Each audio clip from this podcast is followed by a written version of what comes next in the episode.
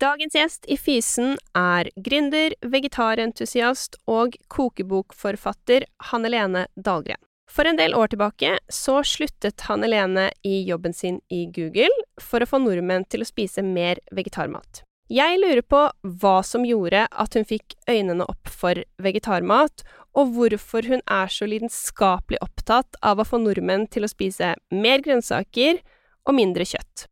Hanne Lene har gitt ut flere kokebøker, og jeg vil spørre henne litt om prosessen der, med testfamilier og det å gi ut på eget forlag. Det er både tøft og veldig spennende, syns jeg. Utvalget vegetarmat på restauranter har definitivt blitt bedre de siste åra, men er det bra nok? Og hvor går man egentlig for den beste vegetarmaten? Det har jeg lyst til å spørre Hanne Lene om.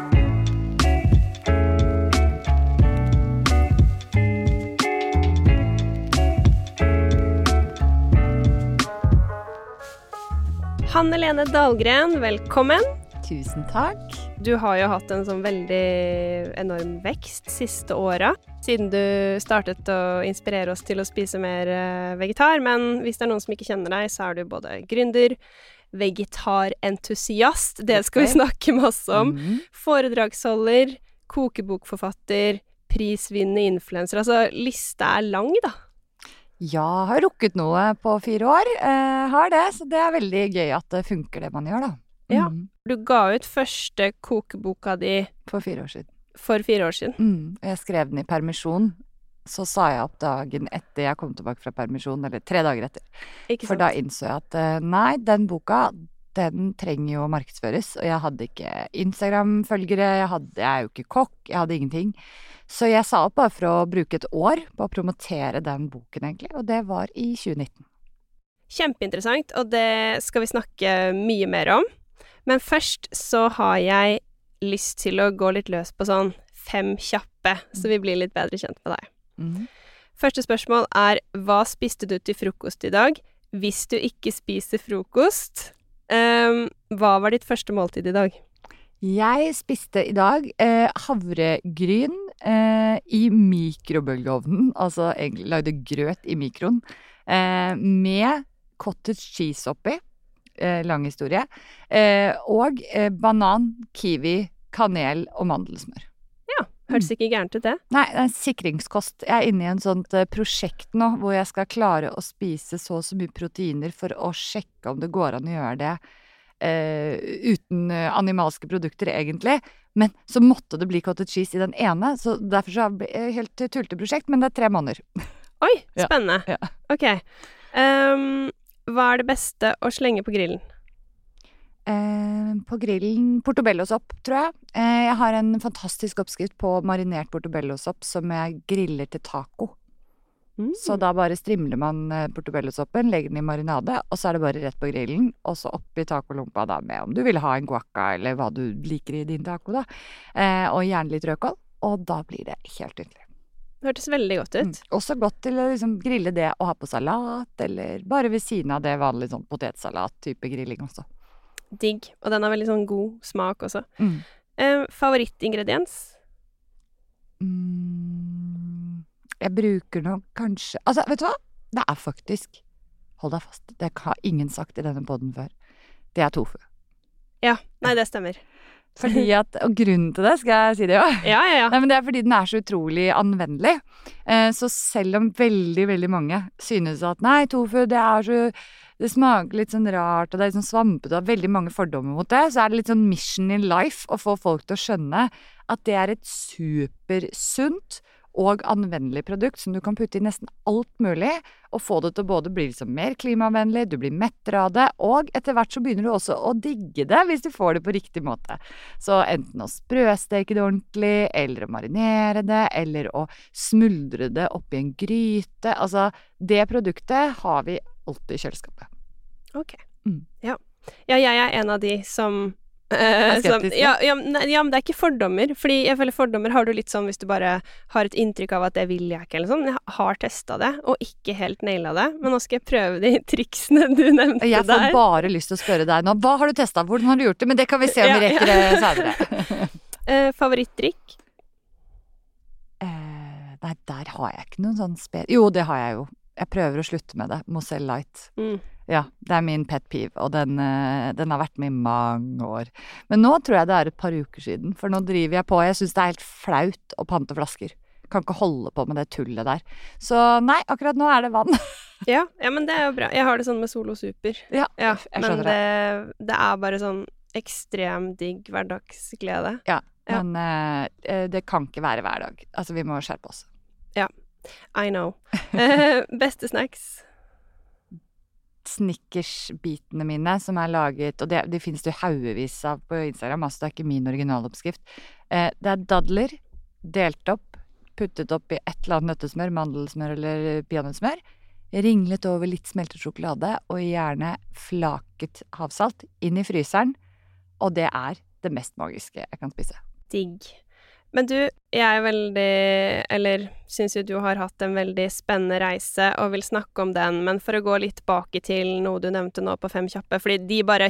Uansett hva folk sier da, så skal jeg De skal vi gjennom, eh, og så kan vi snakke mer. Men ehm, det prosjektet ditt på tre måneder med proteiner og Hva er det det er for noe? Ja, nei, det, jeg kan ikke fortelle så mye mer om det, men ehm, det handler om en slags liten utdannelse i plantebasert protein, egentlig. Eh, fordi at det trenger vi mer kunnskap om, og så får vi se om det ender opp i et prosjekt som dere får høre om seinere. Okay. Ja. Ja. men det er veldig interessant, for jeg har aldri telt kalorier, telt proteiner, telt karbohydrater eller noen ting. Og nå vet jeg så sykt mye mer om alt hva jeg putter i meg. Og jeg skjønner jo at folk blir gærne av det. Uh, nå har jeg gjort en måned. Men det er også litt lærerikt. Uh, eller det er ganske lærerikt, faktisk. Så jeg syns egentlig det er ganske spennende. Mm. Mm. Ok, da får vi se, når vi eventuelt får Ja. høre mer om det. Mm. Men din reise startet for fire år siden. Du sluttet i Google Mm. og gikk frilanser. Ja. Ble gründer. Mm. Ehm, og egentlig har siden den gang, og har det fortsatt veldig, hatt et mission som er å få folk til å spise mer vegetarmat. Mm. Hva var det egentlig som skjedde? Hvorfor sluttet du i Google? Hvor var det denne, dette kom fra, dette sterke engasjementet? Kan du ikke fortelle litt? Ja, altså, det begynte for nå ni år siden eller noe, hvor det var en venninne av oss, uh, meg og mannen min, som hadde flyttet til utlandet og blitt gæren, uh, syns vi. Hun eh, skulle komme hjem på ferie, og vi visste at hun hadde endret kostholdet sitt totalt. Da spiste hun ikke ting som var liksom stekt over 42 grader, ingenting fra det animalske riket. Eh, hun skulle ikke ha gluten, og det var masse ting jeg ikke ante noen ting om da, for ni år siden. Og vi har alltid vært glad i å ha gjester, og vil jo alltid være respektfulle for den som kommer til oss. Vi er ikke sånn som Nei, du får bare ta det som er, hvis du skal være så sær. Da var jeg sånn Ok, men hva pokker skal jeg lage? Jeg var ikke god til å lage mat på det tidspunktet. Jeg var veldig god til å spise. Og så spurte jeg liksom til slutt henne, for jeg klarte ikke å komme på noe annet enn gulrotsuppe. Det var det eneste jeg klarte, og det var sånn Men den er jo over 42 grader, så nå vet jeg ikke hva jeg skal gjøre av meg, liksom.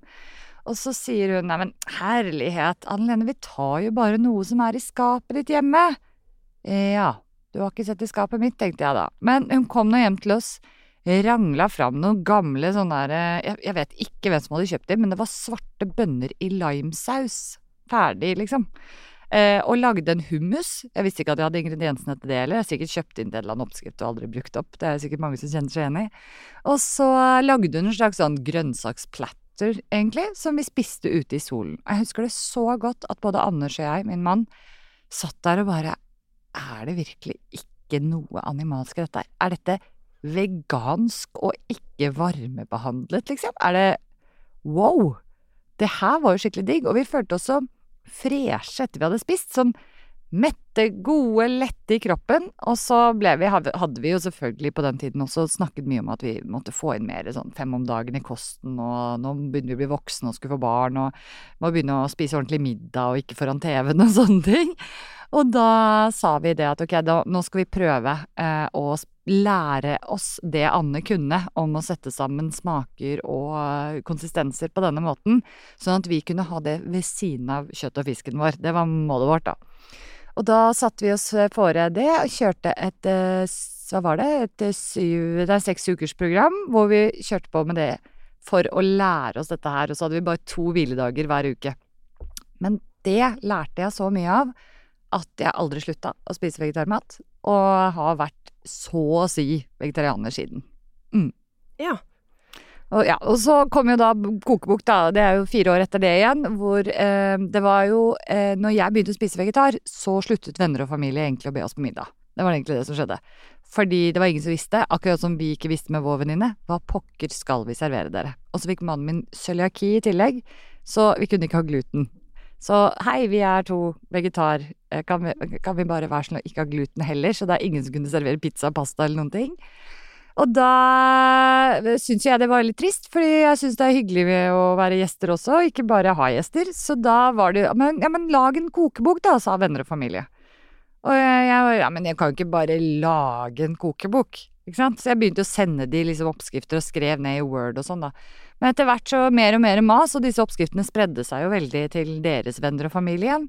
Så fant jeg ut at hvis jeg noen gang skal gjøre dette her, så må det bli min siste mammapermisjon på kveldstid. Eh, og prøve å skape liksom denne grønnsaksgleden som jeg har klart å finne, da. Og da rekrutterte jeg 53 testfamilier, venner og familie, som var med på den prosessen. Eh, som testet hver eneste oppskrift, ga feedback osv., så videre, sånn at jeg visste at dette kom til å treffe hjemme hos kjøttelskere, da. Og så ble den boken ferdig, og som du sa, så jobbet jeg i Google, kom tilbake fra perm og var egentlig veldig glad for å være ferdig med den boken, for det er ganske intensivt greie. Og tilbake til voksenlivet, og barn skulle i barnehagen eller til pappaperm eller hva det var, og så satte jeg meg ned i den stolen hos Google, og så kjente jeg bare sånn Men shit, det er jo ikke tid til å være her. Noen må jo fortelle verden om denne boka. Noen må jo være der ute og snakke om den, og jeg hadde ikke Instagram-følgere, jeg var jo ikke utdanna kokk, det er jeg fremdeles ikke. Det var ingen grunn til at noen skulle kjøpe den boka, innså jeg plutselig. Jeg hadde bare tenkt på at dette er så godt at folk kommer til å kjøpe den. Så da sa jeg opp tre dager ut, eh, eller etter det, Eh, og da brukte jeg to måneder på å bygge en digital handleliste, lage en Instagram-profil, lagde hjemmeside osv. Og, så og så kom boken i mars, og så havnet den på bestselgerlisten i Norge og var der i 28 uker det året. Ja, veldig imponerende, da. Så det var, det var starten, rett og slett. Det jeg syns er veldig interessant med alt dette, og når man ser på, hva skal man si, hele den utviklingen som ditt, din merkevare, holdt jeg på å si, og ditt prosjekt har hatt disse årene, så er det jo Du forteller at du ble inspirert av en venninne av deg og mannen din, mm. og at dere ønsket å spise mer vegetar fordi at det var godt, og ville utforske på en måte det mer. Men hvis man har sett deg nå, altså i debatt, eller har sett foredrag med deg, mm. så er jo veldig mye av argumentasjonen din går jo på bærekraft, ikke sant, dyrevelferd, miljø, klima, mm. den type ting. Mm. Så når var det den, den Var det noe som Et engasjement som ble sterkere hos deg fordi at du begynte å spise mer vegetar, eller har du hvordan Den politikkdelen, kan du ikke si litt om det også? Jo, altså for da ni år siden, da når jeg begynte å spise sånn, så hadde jo akkurat uh, Cowspiracy, den dokumentaren på Netflix som mange har hørt om, og Forks Over Knives, var det vel, hadde akkurat kommet. Så det var veldig sånn øh, Det var litt sånn hippie å si at øh, kjøtt ble påvirket av Nei, klimaet ble påvirket av kjøtt. Men likevel i en sånn gryende fase. Og jeg jobbet jo som analytiker i Google. Jeg er ganske opptatt av fakta og at det skal være dokumentert ordentlig og liksom sånn. Men jeg begynte jo å se på dette her, for jeg begynte jo å åpne meg opp for en helt ny verden, da. Og da blir jeg jo helt sånn hæ, men hvis det betyr så mye, da må vi jo i hvert fall skifte. Så for meg har det bare vært en sånn voksende engasjement. Og det er jo ikke før for kanskje, jeg vil si sånn tre-fire år siden, at Norge er enig og vet at kjøtt er dårlig for klima. Eh, det meste av kjøttet. Altså, man kan moderere det der i alle retninger, men du skjønner poenget. Så eh, den eh, det, Og så er det litt sånn som du sier, altså, hvis jeg skal stå på en scene og overbevise folk, så er det veldig deilig for folk å høre at det ikke er deres skyld at det har blitt sånn. Ikke sant? Og klima er det ingen av oss som føler personlig liksom 'Å gud, det var min skyld at det der, der skjedde'. Så det er lettere det enn å stå der og snakke om Prøve å overbevise dem om at de kommer til å like maten. Altså, det er ingen som kommer på et foredrag for å se bilder av mat. Da må du servere det til dem, ikke sant. Så jeg snakker veldig mye om grunnene til at du skal våge å prøve. Og så har jeg jo nå tre bøker og nesten 300 oppskrifter i bokform. Jeg tror det er en 300 oppskrifter på nettsiden også. eh, og poster jo hele tiden ting som skal friste deg. Men det er veldig viktig at, liksom, at du skjønner at ok, jeg syns den ser god ut, men jeg syns også kanskje den kyllingsalaten hos en annen blogger ser god ut, da. Da må det være liksom, det, er en litt sånn hinder for folk å tørre å lage den med tofu. Fordi selv om kanskje de blir mest frista av den fordi jeg klarte å selge den inn bra, så er det sånn ja, men jeg vet jo hvordan kyllingsalaten smaker, jeg tror jeg lager det så jeg ikke kaster bort tiden min.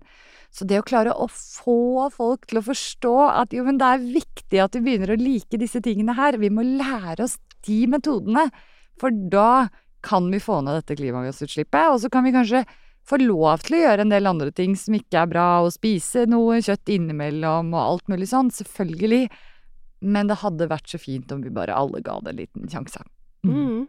Hvordan opplever du at folk reagerer på det? Altså Åpenbart er det jo veldig mange som digger dette, fordi du har bestselgende kokebøker, du har masse følgere på Instagram, masse trafikk på, på bloggen din, så du har veldig, veldig mange fans. Men hvordan er det mye, hva skal man si, negative tilbakemeldinger også, og ikke minst opplever du at folk har hatt en endring i holdning også til dette temaet, hva skal man si, siste fem årene, da, eller er vi på en måte er det litt sånn noen elsker og noen er ikke så glad i det? Litt sånn ja, uansett? Ja, det er polarisert, dessverre, og det hjelper jo mediene veldig til. Jeg skal ikke rante for mye om hvem som har ansvaret, men det er litt sånn det er, rett og slett. At uh, det er ganske vanskelig å komme ut med uh, vegetarinspirasjon uten at du blir beskyldt for å trekke noe nedover ørene på folk. Men hvis du går utafor her på Oslo S og ser på alle plakatene som blir på en måte vist deg på en daglig basis, alle tilbudsplakatene, alt mulig, det er jo kjøtt som blir trukket nedover øra på oss. Det er ikke haugevis av fisk heller. Altså det er I går så var jeg på Oslo S og tok sånn ned til toget der du har sånn reklamer nedover langs hele veggen. Og da var det seks plakater, og så bare rullerte de nedover, ikke sant, som gikk på sommerens beste grillretter. Mm. Det var bare kjøtt, og så var det Scampi, liksom. Eh, så det er, jo, det er jo det vi blir pepra med. Og det er jo det store problemet, er at vi har lagd et samfunn som én subsidierer jordbruksnæringen så mye at kjøtt blir uhorvelig billig, selv om eh, liksom det egentlig burde vært sånn at det var ganske dyrt, sånn at også bonden kunne få mer av den kaka, osv., osv., og, og at vi kunne behandle det sånn som vi gjorde på 80-tallet, at vi delte en stek og ikke spiste en stek hver, liksom.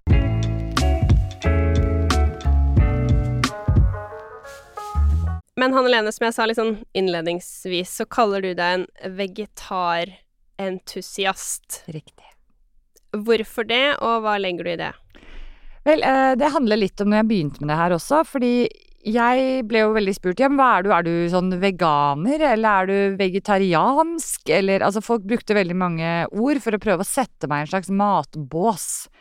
Og det synes jeg er litt sånn synd, for det gjør vi jo ikke med alle andre. Altså, hvorfor skal vi vite eksakt hva du liker og ikke liker? Er du, er du, spiser du paprika, er du i den båsen? Ikke sant? Veldig sånn snodig ting. Um, og det handler egentlig om å klare å skape en mer forståelse om at vi alle er litt flytende innimellom. Så jeg vil liksom Ok, jeg vil at alle skal kunne være entusiastiske om et vegetarmåltid. Så hvorfor ikke Altså, jeg kan være vegetarentusiast. Jeg kan spise smågodt med gelatin i. Det er svin. Eh, jeg kan spise havregrøt med cottage cheese i. Den er ikke vegansk. Eh, jeg kan spise blåskjell, fordi jeg selv mener at det ikke egentlig er dyr som føler smerte, for de har ikke noe hjerne som kan oppfatte smerten. Så da syns jeg det er greit. Men hvorfor skal man gå inn i de derre Hva er det jeg er da? En fleksi-peski vegetarians... Altså det, det syns jeg blir litt sånn tullete. Så hvorfor kan vi ikke heller bare skape noe som er litt rausere? Og det er vegetarentusiast, og derfor så er det vegetarentusiast.no. Jeg har en gruppe med jeg tror det er 10 000-12 000 følgere på, på, Facebook som har en egen gruppe hvor de diskuterer hvordan du får den og den tingen til å smake godt, da. Eh, så jeg liker det begrepet, og så handler det om å ikke Det er ingen regler. Eneste regelen for å være vegetarentusiast er at du er positiv til vegetarmat.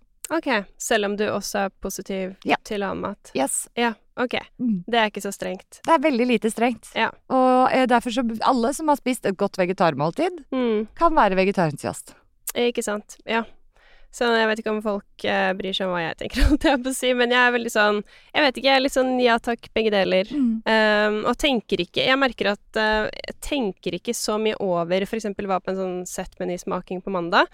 Da var det kanskje Kanskje var halvparten vegetar, men da er det ikke sånn at jeg tenker sånn oh, nå, nå var det mye grønnsaker her, eller nå er halvparten vegetar. Og hvis alt hadde vært der, sånn OK, ja, men da er det det de har.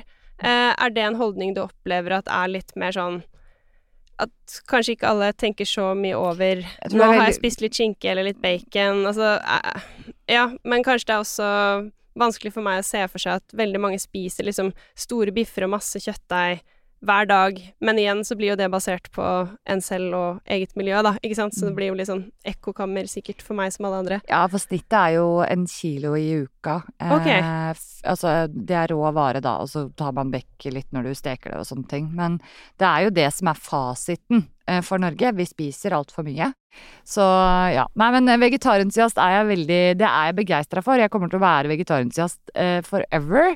Jeg er ikke vegetarianer fordi at jeg ikke unngår absolutt alt annet.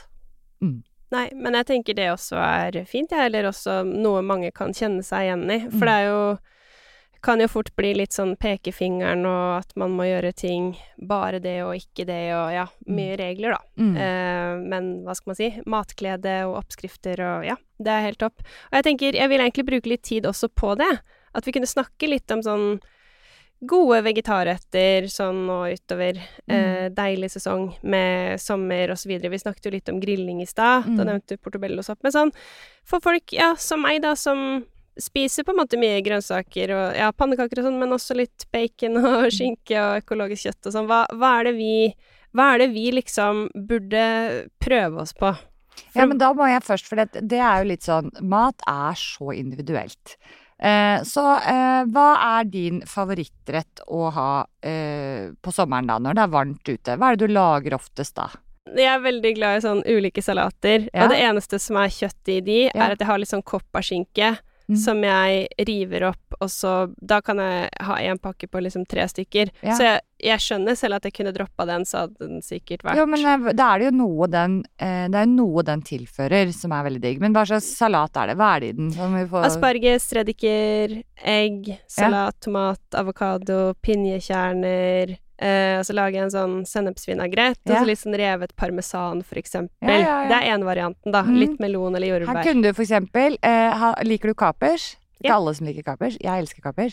Eh, ta bitte litt olje i en liten kjele, og så friterer du kapersene i sånn Det tar sånn ti sekunder eller noe. Så spretter de opp og blir sånne små blomster. Ja. Det hadde vært skikkelig digg opp på den type salat. Og så ville jeg kanskje også stekt litt soltørket tomat, for jeg liker best Det er kjempegodt. Ja. og sånn semitørkede tomater og sånn. ja. Ja. Og så ville jeg kanskje, siden du vil Hvis du skal ta vekk da eh, det kjøttmessige proteinet, da, så ville jeg kanskje prøvd ok, hvordan kunne du tilført noe som gjør deg enda litt mettere i den retten, og ikke bare relied on the egg, liksom. Så da ville jeg kanskje tenkt, skulle du lagd en bønnehummus, for eksempel, eller en kikerthummus for den saks skyld, eller kanskje en sånn ertemåle, altså erteguacamole, eller noen sånne ting. Um, eller så kunne du ha sprøstekte kikerter, for eksempel, med da det krydderet som du vanligvis ville hatt i dressingen, kanskje.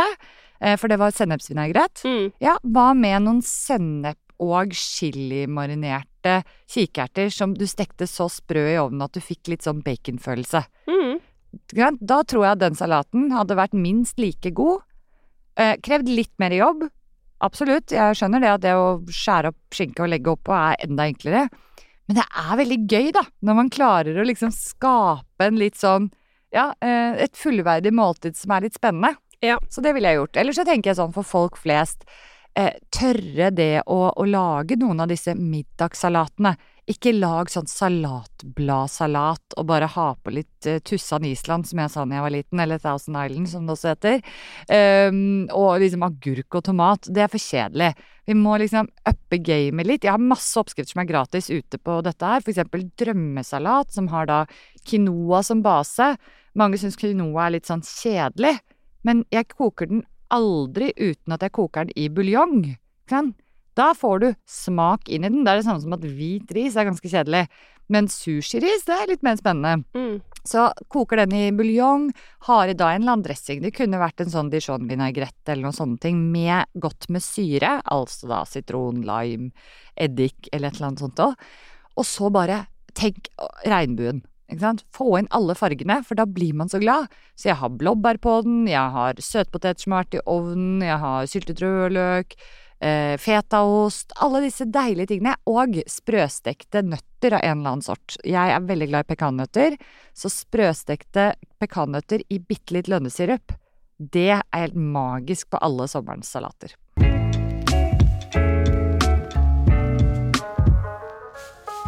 Du sa jo også at du ikke var så veldig god til å lage mat for ni år siden. Mm.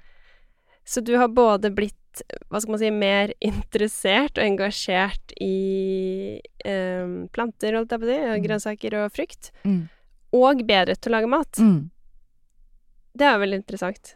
Ja, det er mengdetrening. Ja. Eh, og det er litt sånn Jeg er litt sånn skrudd sammen at jeg tenker at man kan go bli god på alt. Det er bare man øver.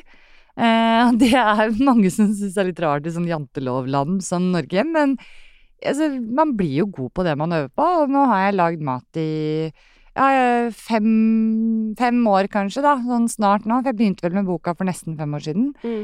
eh, på et litt sånn profesjonelt nivå i form av at jeg virkelig skal skrive oppskrifter folk klarer å lage. Eh, klarer å beskrive det, få tak i ingrediensene. Alt det der er kjempeviktig for meg. Eh, men jeg har alltid elska mat. Helt fra jeg var veldig liten, så har jeg vært en skikkelig, skikkelig glad eh, spiser, holdt jeg på å si. Og har vært på så mange restauranter i utlandet når vi var ute og reiste da jeg var liten. Så jeg har jo alltid elska å spise, men jeg har ikke trodd at jeg klarte å lage det selv. Nei, jeg skjønner. Det trodde jeg ikke. Men eh, så ble jeg voksen og skjønte at det var bare å øve. Ja, ikke sant? Mm. Men hvordan mat er du har vokst opp med, da? Overhodet ikke vegetarmat, i hvert fall. Det Nei. kan jeg si. Eh, jeg husker mye sommerkoteletter. Jeg husker eh, Jeg hadde også familie på Vestlandet, så jeg husker veldig mye av det der pinnekjøtt og kumle og eh, Eller vi kalte det raspeballer. Eh, og med sånn dott i midten, som er sånn lammekjøtt eller Jeg husker ikke egentlig. Og baconfett og alt det der. Så, og så mamma forteller meg at, vi spiste, at jeg spiste to porsjoner med blåskjell da jeg var syv år på restaurant. To porsjoner, ja. Ja, jeg hadde Ja. Vist, det var visst ikke mett, så jeg ba om en til. Eh, så jeg har jo alltid vært litt sånn eh, opptatt av disse litt sånn særere tingene, kanskje. Eh, jeg har likt rakfisk alltid, eh, så, så jeg har nok hatt en litt sånn avansert palett fra barnsben. Eh, og så har jo jeg nå Jeg prøver jo alle oppskriftene mine, gå gjennom mange testfamilier før de får lov til å komme i boken, så jeg har hatt over 1200 som har vært med å smake, sånn at jeg er sikker på at dette er noe som er godt for folk flest. Og det er jo flere oppskrifter som er bare jeg som liker. Ikke? Eller Ja, ikke, er bare det, meg, ja. ikke bare meg, da, men hvor jeg merker at Nei, det her er ikke noe for folk flest. Ikke sant? Jeg er sånn typisk. Jeg vil ha pære på pizza. Eh, Jeg syns det er dritgodt. Eh, Jeg syns blåmuggost og sånne ting er kjempegodt. Eh, Fermentert liker jeg. Så, så jeg Det er jo ikke noe sånt i mine bøker. Eh, Nei, for det er jo ikke så sært hvis man ser på hva skal man si, utviklingen Men, men det er stort land og mange folk og så videre, så, så er det jo vel Det er jo det. også. Ja, er jo, det... Vi er ikke innenfor Ring 3 i Oslo, det er ikke det som er målet. Nei, bare nå de. Det her skal folk liksom i Førde kunne gå på den lokale butikken sin og finne ingrediensene, og så skal de slå opp på en side og tenke at jo, men dette får jeg til, og dette syns jeg faktisk ser så godt ut at jeg er villig til å gi et forsøk, og jeg tror familien min kanskje spiser det også. Fordi at hvis ikke du får folk til å tro på at de kommer til å, like det, så kommer du aldri til å få sjansen til å motbevise, ikke sant? Du er nødt til å friste dem til å prøve. Og det er jo egentlig hele jobben min. Det er å friste folk. Ja. ja, men du er jo god på det, og det er jo eh, Når det gjelder disse bøkene, da, så husker jeg så godt Jeg tror det var Nå husker jeg ikke helt Du delte jo sikkert eh, mange steder eh, hele prosessen og sånn. Jeg tror kanskje jeg så det på LinkedIn, men at du faktisk eh, Første boka di ga du ut på forlag, men fra den andre så ga du ut på ditt eget forlag. Mm. Så har du på en måte starta et forlag og gitt Kan du ikke si litt om det, for det er så utrolig spennende, og det er bare sånn jeg ikke tror mange tenker på at er mulig heller. Men det har jo du bevist at er mulig, å få det inn på bokhandelen og selge og ja. Absolutt, men det er jo ikke Det er veldig det er Ukentlig spør jo folk om å ta en kopp kaffe og høre om den prosessen, fordi at det er så mange som tenker at det er bare å gjøre, og det er det, Det ikke. tenker jeg ikke. Nei, og det vet sånn. jeg. Det, men det bare veldig viktig, for jeg har jo pratet så mye om dette her, og er veldig positiv Mm. til eh, egenpublisering. Eh, men det er veldig viktig å vite at da må du gjøre all markedsføring selv. Du må uh, skaffe lager. Du må klare å få det inn hos bokhandlerne, som sagt. Så hvis du ikke har et navn fra før Jeg hadde jo det, ikke sant. Jeg hadde den mest solgte kokeboka året før. Mm. Så det er ganske mye lettere for meg da å klare å komme inn og si at nå kommer nummer to. Altså, de sa bare selvsagt, liksom. Eh, men det var Det har vært en kjempelang reise å klare å forstå den bokbransjen. Det er så mye sånn derre Det er så mye kutymer som ikke man skjønner når man skal gi rabatter og alt mulig til bokhandlerne, fordi at det er sånn innkjøpsprisgreier. Det er masse ting. Men for min del så var det veldig riktig fordi at jeg hadde jo da satt av ett år av livet mitt etter jeg slutta i Google til å egentlig bare promotere bok én. Og så gikk det jo veldig, veldig bra, men du sitter fremdeles ikke igjen med nok til at jeg kan heve en årslønn av bare én bok. Eh, og når jeg da ser skal jeg virkelig bruke nå liksom åtte-ni måneder på å lage en bok to, og ta liksom gjøre all den jobben jeg har gjort nå i ett år etterpå, det går jo ikke opp. Det hadde ikke vært mulig. Eh, og det var ikke noe vits i å skrive en bok hvis ikke du hadde tid til at folk hørte om den og ville lese den. Så da Det var midt i covid. Det var de seks ukene hvor det var helt nedstengt i Norge. Jeg hadde begge barna hjemme, for mannen min hadde, har en stor bedrift som han måtte være på, da. Så jeg bare ble litt gæren, eh, og kjente at vet du hva, jeg må ha et prosjekt. Lurer på om jeg skal bare sjekke om det går an å starte forlag sjøl, jeg. Og så gjorde jeg det. Kjøpte en bok om å starte forlag. Eh, og så gjorde jeg bare det, og så skrev jeg bok to. Eh, og den kom faktisk ut på seks måneder, så jeg var ganske effektiv der. Eh, og den hadde jo 350 testfamilier, så det var et eh, rotterace. Men det har jeg lært veldig mye av, men jeg skulle jo ønske at det hadde vært lettere å ha en redaktør som bare liksom fiksa en del ting og, og ordna og snakket med bokhandlerne og sånn. Men da kunne jeg ikke levd av det, ikke sant? Nei, ikke sant. Da, da Jeg vet jo at alt det du vet om meg som jeg gjør politisk, alt det er gratis. Ikke sant? Det er ingen som betaler meg for å lese FNs klimarapporter. Det er ingen som betaler meg for å være i Dagsnytt 18 og diskutere kjøttskatt. Ingen Det er alt jeg gjør nesten, er ubetalt arbeid. Alt finansieres av bøker og enkelte samarbeid som jeg prøver å skvise inn her og der for å ha liksom penger til å betale mine ansatte og sånne ting, for jeg har én ansatt hos meg. Men det her er jo et prosjekt som det, Jeg brenner så mye for det at jeg må bare finne en måte sånn at jeg kan ha tid til å bruke på de aller viktigste tingene. Og så må jeg produsere noe som folk kan kjøpe for å Mm. finansiere det. Og foredrag, da? Driver du Jeg har ikke tid til det, fordi Nei. foredrag tar for, det tar så innmari mye tid Ja. å tilpasse og holde. Så det kunne jeg ha tjent mye penger på, men da hadde Mm. jeg ikke hatt tid til å drive med oppskriftsutvikling og formidling. Og heller ikke antageligvis ha tid til å drive med politikk. Nei, ikke sant. Nei.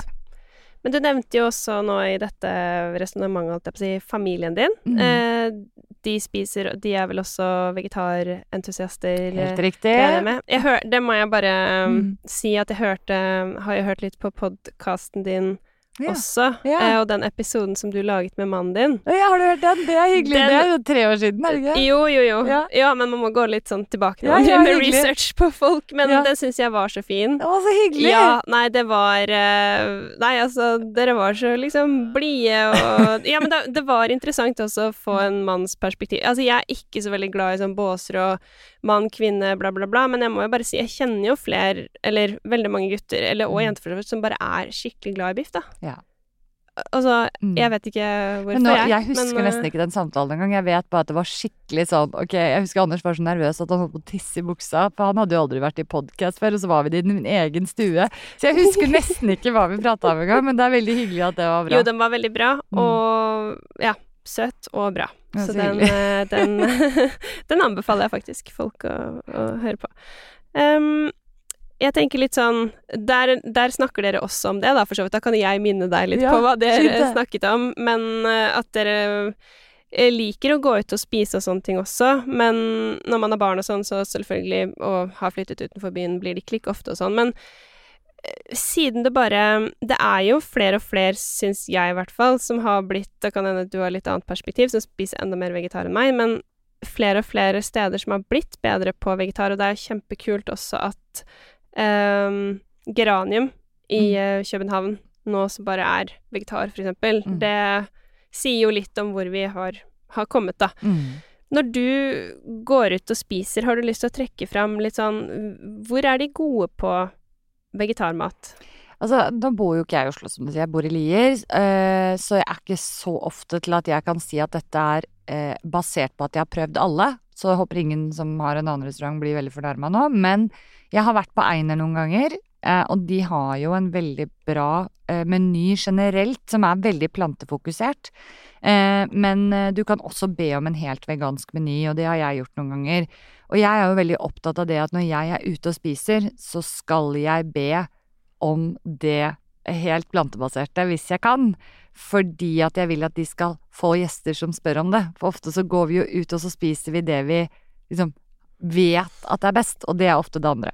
Så, så derfor så gjør jeg det. Eh, Så Einer er veldig bra. Eller så er jo jeg, jeg er glad i å stikke på Asia, litt fordi at en, eh, kidsa mine spiser mye når vi er der. Eh, og Anders sin favorittrett er der. Så der har de mye godt. Det er jo ikke noe sånn fine dining, egentlig, men der er det veldig bra. Ellers så syns jeg det er koselig på sånn Oslo street food og greier. Jeg syns det er deilig. Jeg er jo egentlig litt sånn lei tiretters.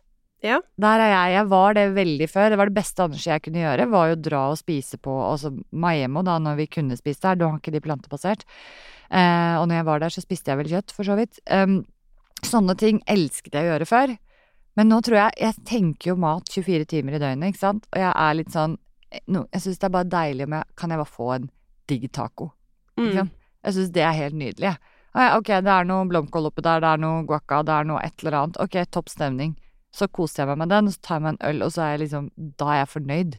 Jeg trenger ikke den derre fire gafler og hvite duker og sånn. Der er jeg nok litt ferdig. Men jeg skal på geranium definitivt, altså. Så må jo teste ut disse greiene. Ja. Men er du ferdig med det fordi mange av de stedene kanskje ikke har vegan eller vegetar, eller er du litt sånn derre ah, lenge og Eller hva er på en måte grunnen? Ja, men det er vel litt det òg, at man liksom vet at man ofte blir skuffa. Det er ofte ikke bra nok. Spesielt det at du egentlig er sulten når du er ferdig, fordi de er så flinke til å liksom gjøre et salatblad spennende. Men du kommer ut og bare Ja, men jeg har jo ikke spist noe mat. Jeg har jo bare spist sånn derre pynt. Eh, og det, det er ikke i min stil. Jeg vil liksom at det skal renne litt og være litt juicy og digg. Um, men så tror jeg også det er litt sånn Trendene har jo endret seg. Vi har mye mer street food vibes i hele Oslo nå.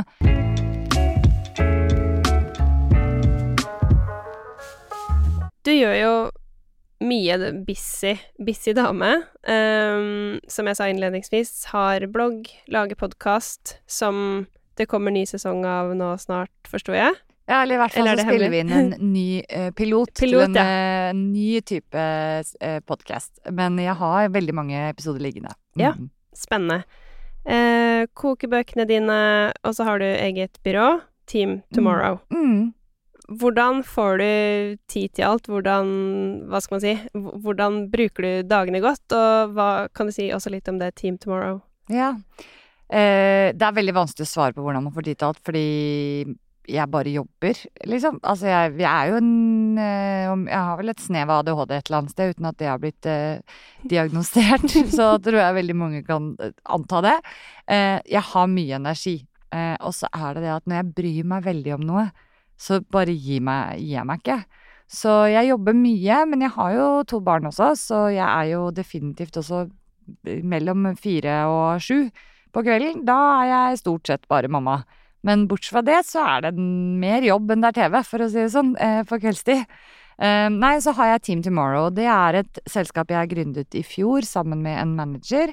Fordi at jeg hadde så lyst til at ikke bare var meg på Instagram som sto og maste om dette med at uh, vi må spise mer dyrevennlig kjøtt.